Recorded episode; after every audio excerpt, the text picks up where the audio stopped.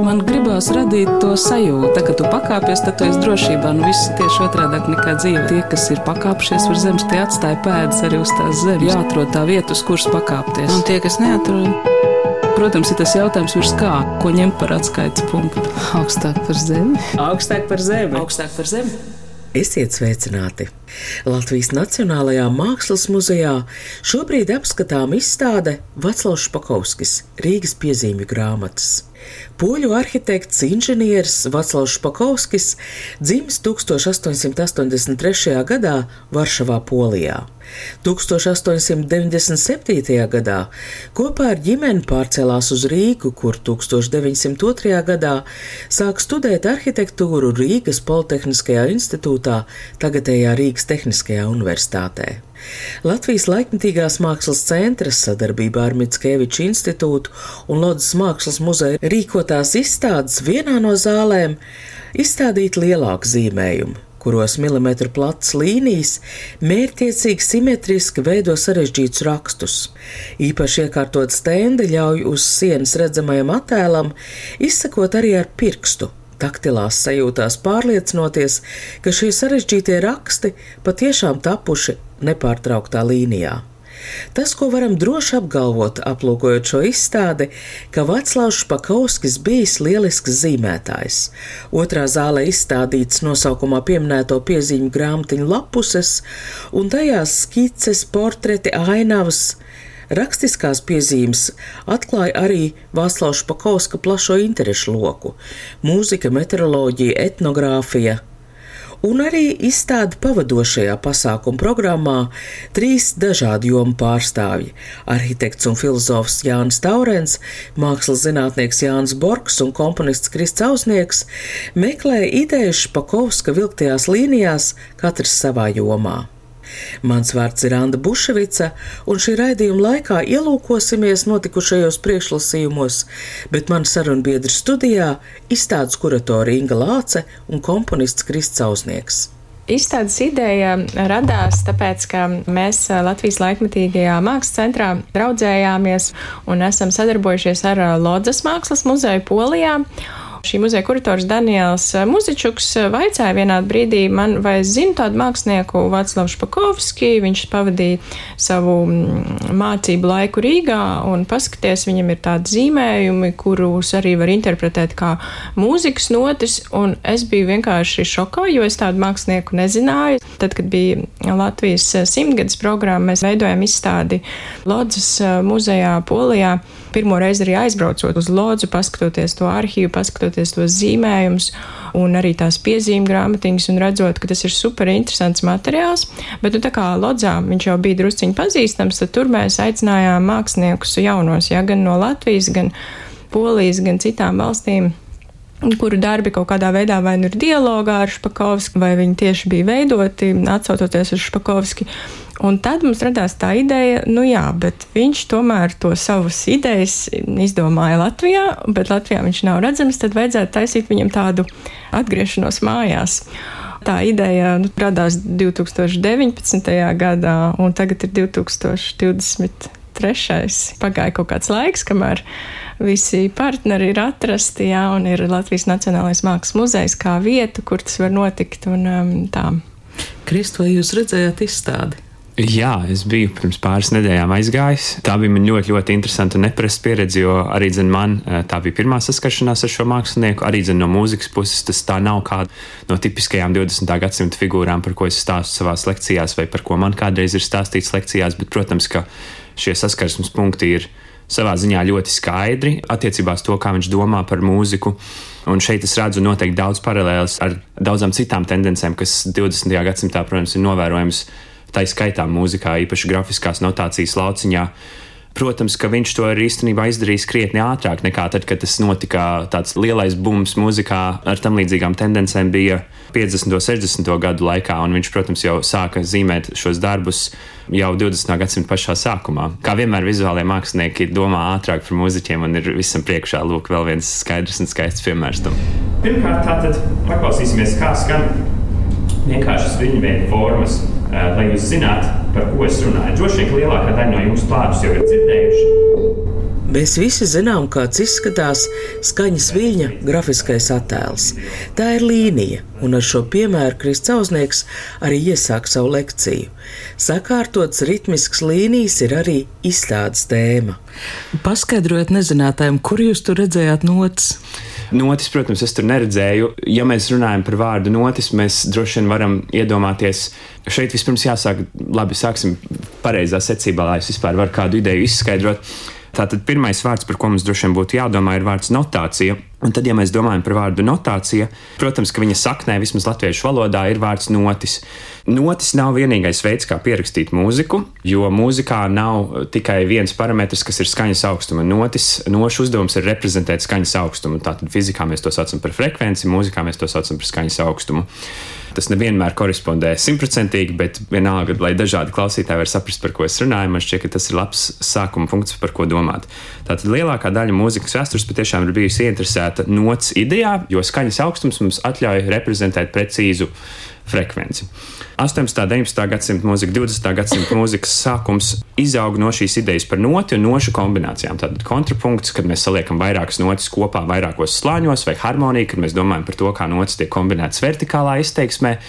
Tas viss ir pazīstami, jo lielākā daļa mūzikas, ko mēs zinām, ja mēs neveltām īpašu piepūli pētīt mūzikas vēsturi no dažādiem skatu punktiem, tad mēs redzam to, ka notis tiek lietotas kaut kādā konkrētā veidā, un tās mums ir pazīstamas. Bet tad 20. gadsimta sākumā nāk dažādi komponisti, kas saka, nu, bet pagaidiet, mums taču vēl bez notīm ir vēl vesela kaudze ar parametriem. Mēs varam domāt par ritmu, mēs varam domāt par tembru. Pirms tam jau mēs esam diezgan daudz domājuši par tādām idejām kā melodija, arī par ritmu ir domāts, bet tieši šī ideja par tembru atklāja tādu kā jaunu Atlantīdu varbūt, jo izrādās, ka mēs patiesībā neprotam pierakstīt tembru vispār nekādā formā. To ir ļoti grūti izdarīt. Mēs varam teikt, nu jā, tas skan pēc flautas tembra, tas skan pēc obojas tembra, bet mēs nevaram aprakstīt tā īpašības veiksmīgā un precīzā veidā. Nu, un tad nāk vesela kaudze ar komponistiem, kas sāk ar to eksperimentēt. Un tad jau 50.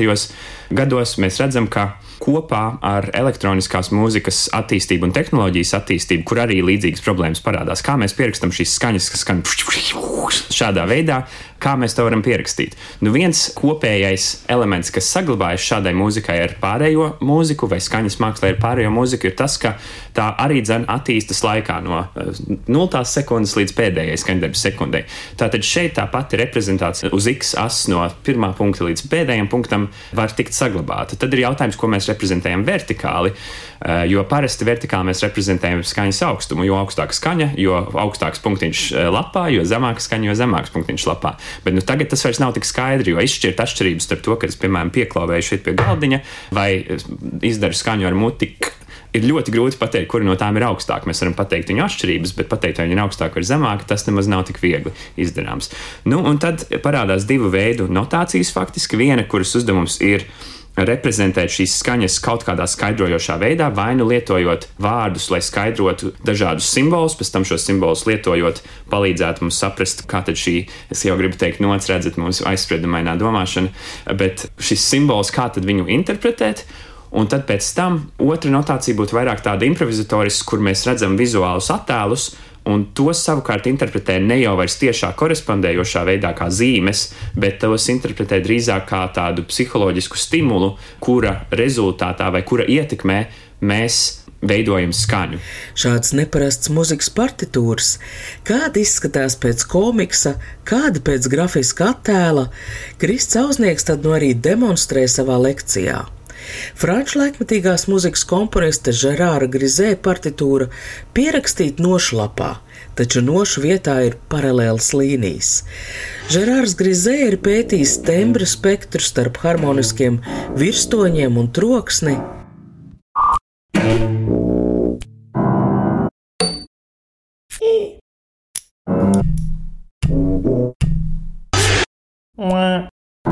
Šobrīd skan Ērla Brauna skaņdarbs, decembris 1952. gads, un tā nošu pieraksts ir grafisks attēls.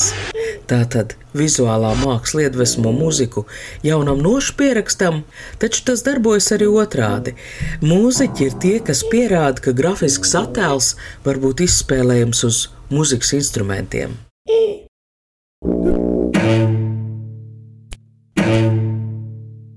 Nu, un taču Pakauska gadījumā, ja mēs skatāmies uz šīm, ja mēs pieņemam, ka tās ir partitūras, ko viņš pats mums ir aicinājis par tām tādā veidā domāt, mēs saskaramies ar pāris problēmām. Ja mēs sekojam šai līnijai, Protams, ka tā līnija neiet no kreisās uz labo pusi visu laiku. Viņa vienā brīdī paņem un pagriežas un dodas atpakaļ. Mūzikā mums ar to ir ļoti grūti, jo mūzika iet tikai un vienīgi uz priekšu. Pat ja mēs konceptuāli, abstraktā veidā varam iedomāties, ka tā neiet tikai uz priekšu, bet laiks, protams, tāpat kā mēs šobrīd studijā ierakstām, un ja mēs paskatāmies datorā, mēs redzam, ka tā bultiņa iet tikai un vienīgi uz priekšu.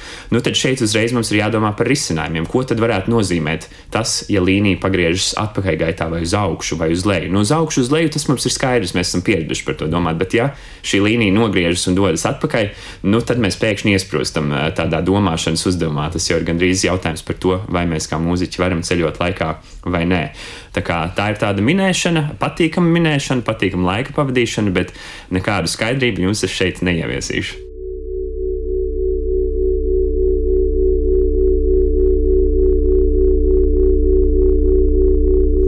Šobrīd mēs klausāmies piemēru, kā Vāclāvs Pakovska līnijas interpretējas poļu saksofonists un skaņu mākslinieks Gerards Lebiks. Kristausnieks nu pat kā izaicinājumu minēja līnijas pagriešanos atpakaļgaitā. 28. aprīlī izstādē Vāclavs Špakovskas Rīgas piezīmju grāmatas iecerēta performance, kurā divi trombonisti, Džeims Falkersons un Hilarijs Džefrijs, kā reizi pieņem šo izaicinājumu un seko Špakovska līnijai vienlaikus divos pretējos virzienos. Bet atgriezīsimies pie izstādē redzamā. Izstādīto piezīmju grāmatu lapas ļauj arī izsekot laikā, kādā veidā attīstījušās Vāclāvs Pakauska zīmējuma tēmas.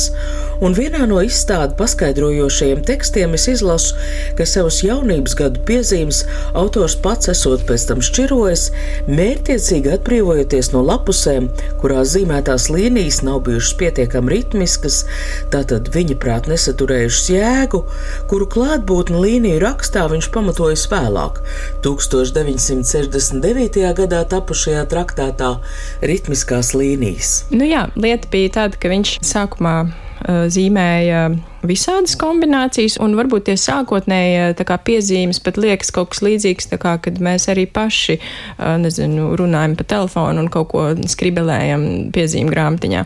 Un tad jau tas kļūst tāds vairāk intencionālāks, un viņš tā vairāk domā ar tādu mērķi, ka jā, ka tam ir jābūt tam īpašajam attēlam, Un tad viņš ļoti sargājās, ka nu, tomēr ir jābūt harmonijai, tas nedrīkst izskatīties dekoratīvs, nu, ka tās ritmiskās līnijas, ka tas ir kaut kas vairāk vienkārši par dekoratīvu zīmējumu. Un, protams, kāda ir atšķirība un kā viņš to atsijāšanu veica, nu, tas tā kā paliek viņa ziņā. Bet nu, viņam bija tāda sajūta gan par simetriju, gan arī par to, ka tie ornamentu veidi ir dažādi, ka ir gan meandrs, ir gan zigzags. Bet atklājis šīs savas, nu, to domāšanu par līniju, viņš laikam ir tikai šajā vienīgajā darbā. Šeit. Jā, viņam ir tas uh, darbs, kas saucās ritmiskās līnijas. Un tad arī tur parādās nu jā, tā ideja par to lineāro domāšanu. Un es domāju, ka tajā brīdī viņš jau bija ļoti daudz sapratis par to, ka visādām lietām pasaulē pamatā ir ritms vai līnija. Un kas ir tā interesanti, jo skaidrs, ka pēc tam, ja mēs domājam gan par, nezinu, audumu un aušanu, ja kas ir pamatā tā kā audumam, vai arī, ja mēs skatāmies uz arhitektūru, un tās ir tās visas lietas, kas viņu nu, kaut kādā veidā interesēja jo viņš vienā brīdī arī kolekcionēja kaut kādas etnogrāfiskās jostas, un, un tad, tad studēja viņš arhitektūru. Viņu interesēja meteoroloģija un mūzika, un viņu interesēja kā, kā tie telegrāfa vai vārdi skan tad, kad ir augstums vai viņš pierakstīja tās vētras, domājot, ka tur noteikti ir jābūt kaut kādam ritmam. Tātad visam apakšā, gan dabai, gan cilvēku radītajām lietām, ir kaut kāds ritms. Un tā ir tāda interesanta doma, nu, jo tā kaut kādā veidā ir, bet varbūt arī nav. Šīs eh, piezīmes ir tapušas, eh, ja nemaldos, no 1900. līdz mm -hmm. 1910. gadam. Kas tā laikā notiek viņa dzīvē? Kas varētu būt viņa iedvesmas avot laikmetu konteksts? Nu jā, viņš ir eh, tātad Rīgā, studē Rīgas Tehniskajā universitātē. Un arī vēl viena lieta ir, ka nu, arhitektūras studentiem tajā laikā bija jābrauc visādos tādos izbraucienos. Viņa interese par etnogrāfiju vai par kaut kādām vietējās arhitektūras formām nāk no tā, ka viņiem bija jābrauc uz laukiem un jāskatās, nu, kas notiek, nezinu, tur, piemēram, Bauskas apvidū vai kas notiek, nezinu, ap Daugavpili. Un tad kādas tur ir tās vietējās arhitektūras formas, un es domāju, ka tas viss viņu ļoti ietekmēja. Tātad mēs runājam būtībā par studenta mēģinājumu tikt skaidrībā ar savu profesiju un arī ar savu pasaules uzskatu. Nu, jā, tieši tā, un nu, mēs to darām tā tajā pasaulē pirms interneta. Jā, kad, kad vienīgais tās lietas, ko tu vari, tev ir, te, tiksim, biblioteka un tās grāmatas, ko visi lasa, un, un tur bija arī kaut kādas grāmatas, ko mēs skatījāmies, kurš, kuras viņš ir um, mācījies uh, tur gan matemātikā. Par skaistumu arī, viņš. Par skaistumu, jā. Neatceros amerikāņu autoru, bet tas bija ļoti interesanti, ka viņam tāda ir bijusi bibliotekā. Es domāju, ka nevienam citam tajā laikā tas, tas, tas man izbrīnīja patiesībā. Nezinu, kura grāmata Špakovska bibliotekā tik ļoti uzrunājusi manus sarunbiedrus, Ingu Lācu un Kristu Auznieku, taču izlasīšanas vērtajā Aigas Dzalbas rakstā 30. marta kultūras dienā mākslas zinātniece, lai raksturot Rīgas piezīmju grāmatu tapšanas idejisko kontekstu, piesauc vācu autora Vilhelma Voringera 1907. gadā sarakstīto grāmatu abstrakciju un iejušanās, kas savukārt papildina evolūcijas un ornamentu pētnieka Aloīza Rīgla ieviesto jēdzienu mākslas griba. Špakovska piezīmju grāmatās patiesi ir zīmējumi un ieraksti, kas ar izbrīnu konstatē nacionālās mākslas, arhitektūras un vietējās dabas paralēles. Tātad cilvēks atdarina apkārtējo pasauli dažādos veidos, un Špakovski sevišķi sajūsmina ornaments, līnija, jo tas vienlaikus satur pasaules atspoguļojumu, un vienlaikus līnija ir kas tik vienkāršs un ietilpīgs.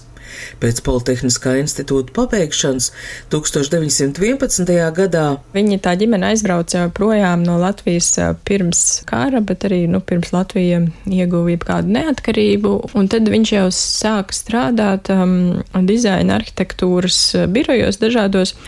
Tad ir viens brīdis, kad viņš ir Polijā, tad viņš tiek aizsūtīts arī uz Arhangelsku. Kara laikā tur ir arī viņam tā saistība ar nu, ka viņi tur interesē tās eh, etnogrāfiskās jostas, un tad viņš to kolekciju papildina. Un tad ir vienkārši dažādi darbi gan Otvokā, gan, gan Vroclavā.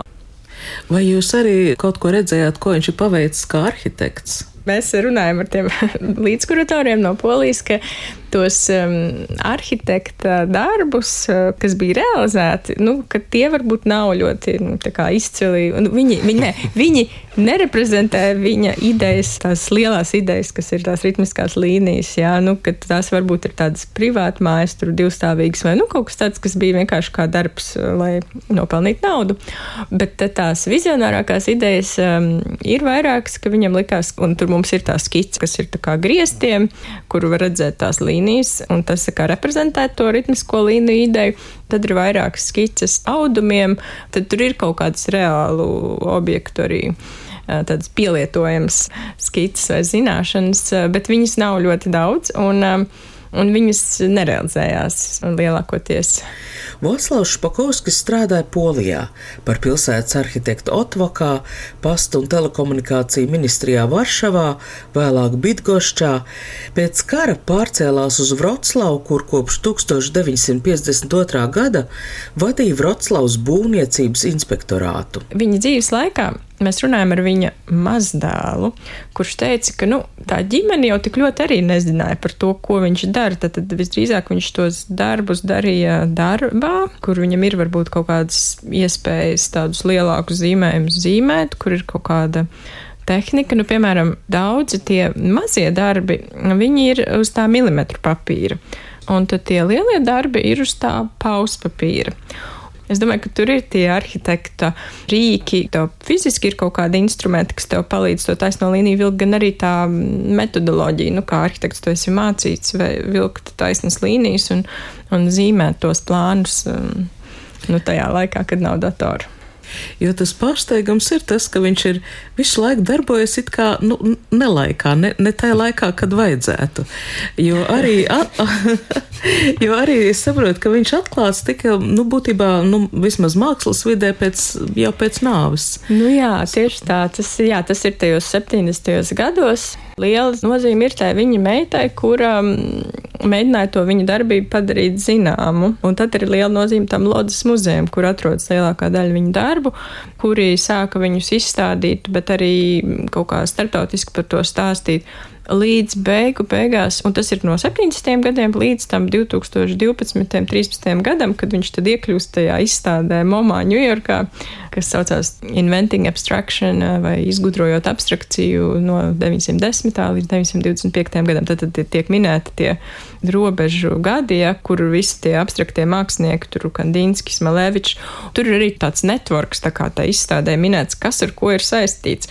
Redzams, ka visi tie mākslinieki ļoti saistīti, viņi draudzējās, viņiem ir izstādes kopā, un tad ir kaut kā tas Špakovskis tāds nomaļāks. Nu, viņam Nu, nav saistība. Vienīgā saistība ir, ka viņš ir redzējis, iespējams, šo citu cilvēku izstādes, bet viņš nav ne ar vienu no viņiem bijis ne draugs, ne kaut kādā mm, kontaktā, ja? kas ir interesanti.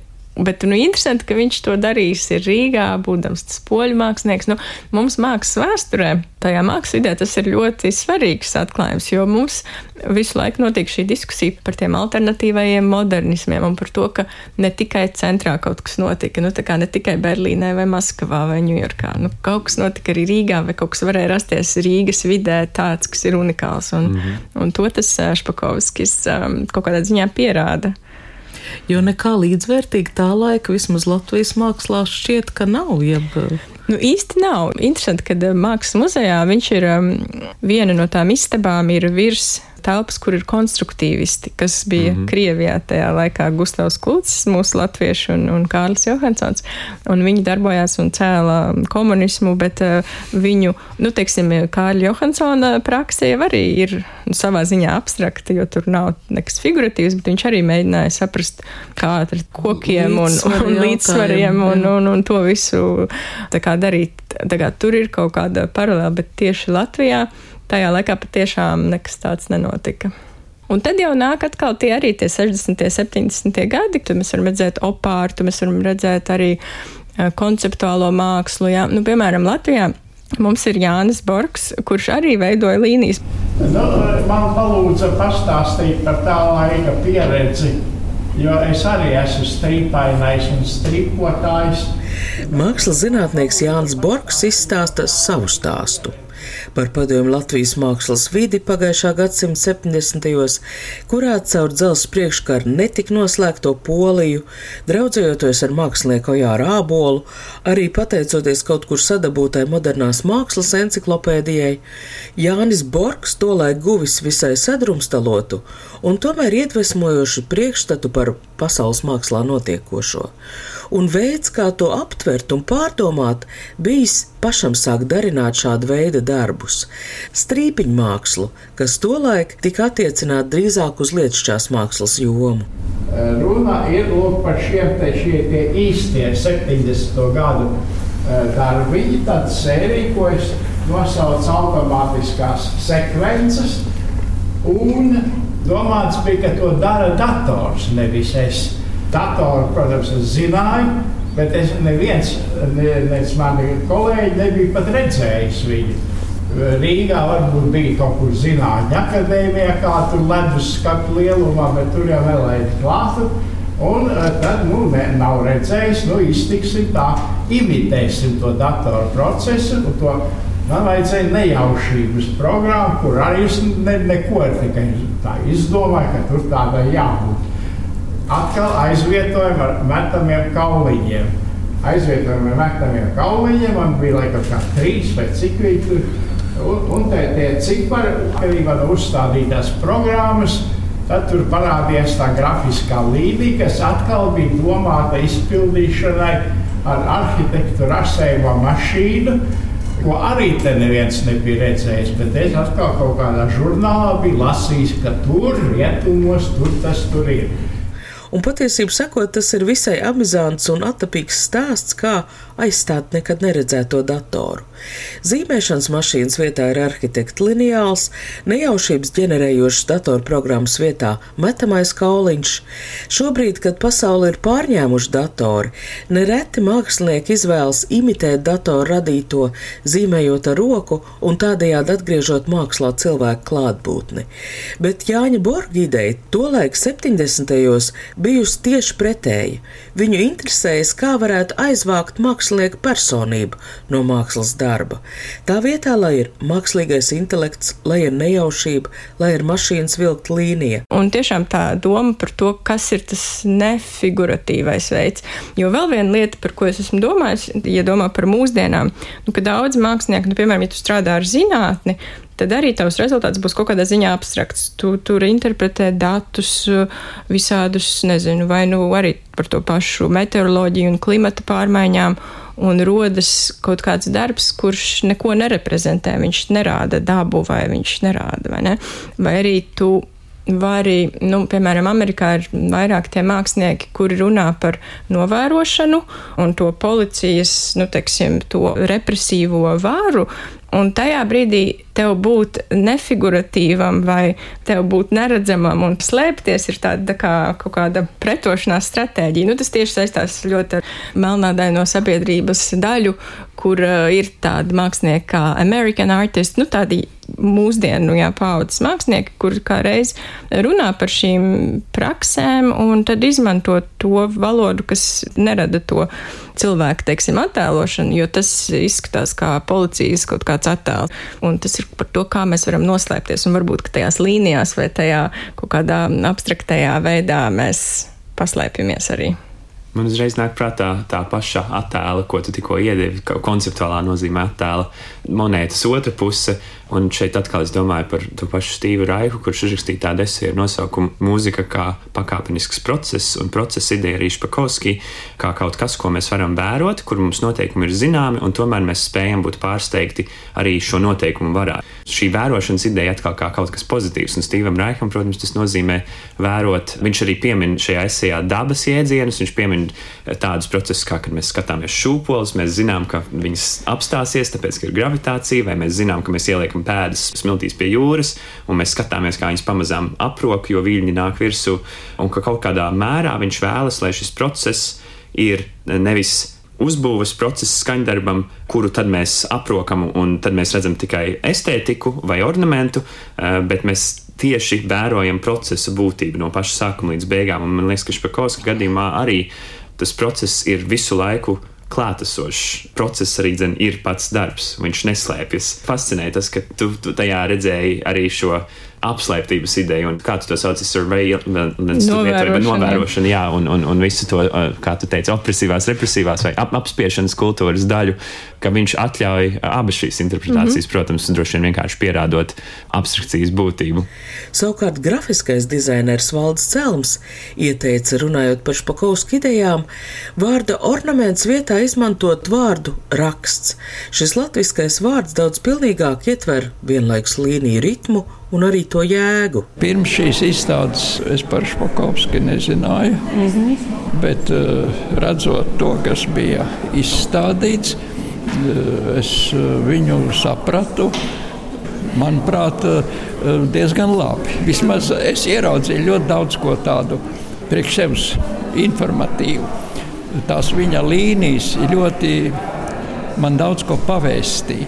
Un es redzēju, ka viņš ir atklājis vēl vienu veidu, kā izveidot bagātu ritmisku struktūru, jā, kuras mēs parasti saucam par ornamentālām, bet viņās ir daudz dziļāka jēga. Rakstā ir ļoti liela abstrakcijas pakāpe. Ja? Un, uh, lai rakstu veidot, ir jābūt šajā domāšanā. Nu, tur ir ne tikai tēlainais, bet tur ir pašas. Uh, formas nesta informācija, kuru mēs vislabāk varam saprast, ja salīdzinām šo zīmējumu ar situāciju dabā. Debesis augšā, zeme apakšā, rīts, vakars, diena, nakts. Tas, ko cilvēks piedzīvo, ielpa, izelpa. Ja? vīrišķais, sievišķais, jā, plus mīnus simetrijas jēdzieni. Izstāde Vaclavs Špakovskis, Rīgas piezīmju grāmatas Latvijas Nacionālajā Mākslas muzejā apskatām līdz 30. aprīlim. Ar Ingu Lāci, Kristu Auznieku, šajā rētījumā sarunājās Anda Buševica, raidījuma skaņoperators Valdis Raitums. Tā kā tu pakāpies, tad tu esi drošībā. Nu, viss ir tieši otrādi nekā dzīve. Tas ir tā spēle, jā. Tie, kas ir pakāpšies virs zemes, tie atstāja pēdas arī uz tās zemes. Protams, ir tas jautājums, ko ņemt par atskaites punktu. Nē, nu, principā ir skaidrs, augstāk par zemi. Jāatrod tā vieta, uz kuras pakāpties. Augstāk par zemi. Augstāk par zemi. Augstāk par zemi.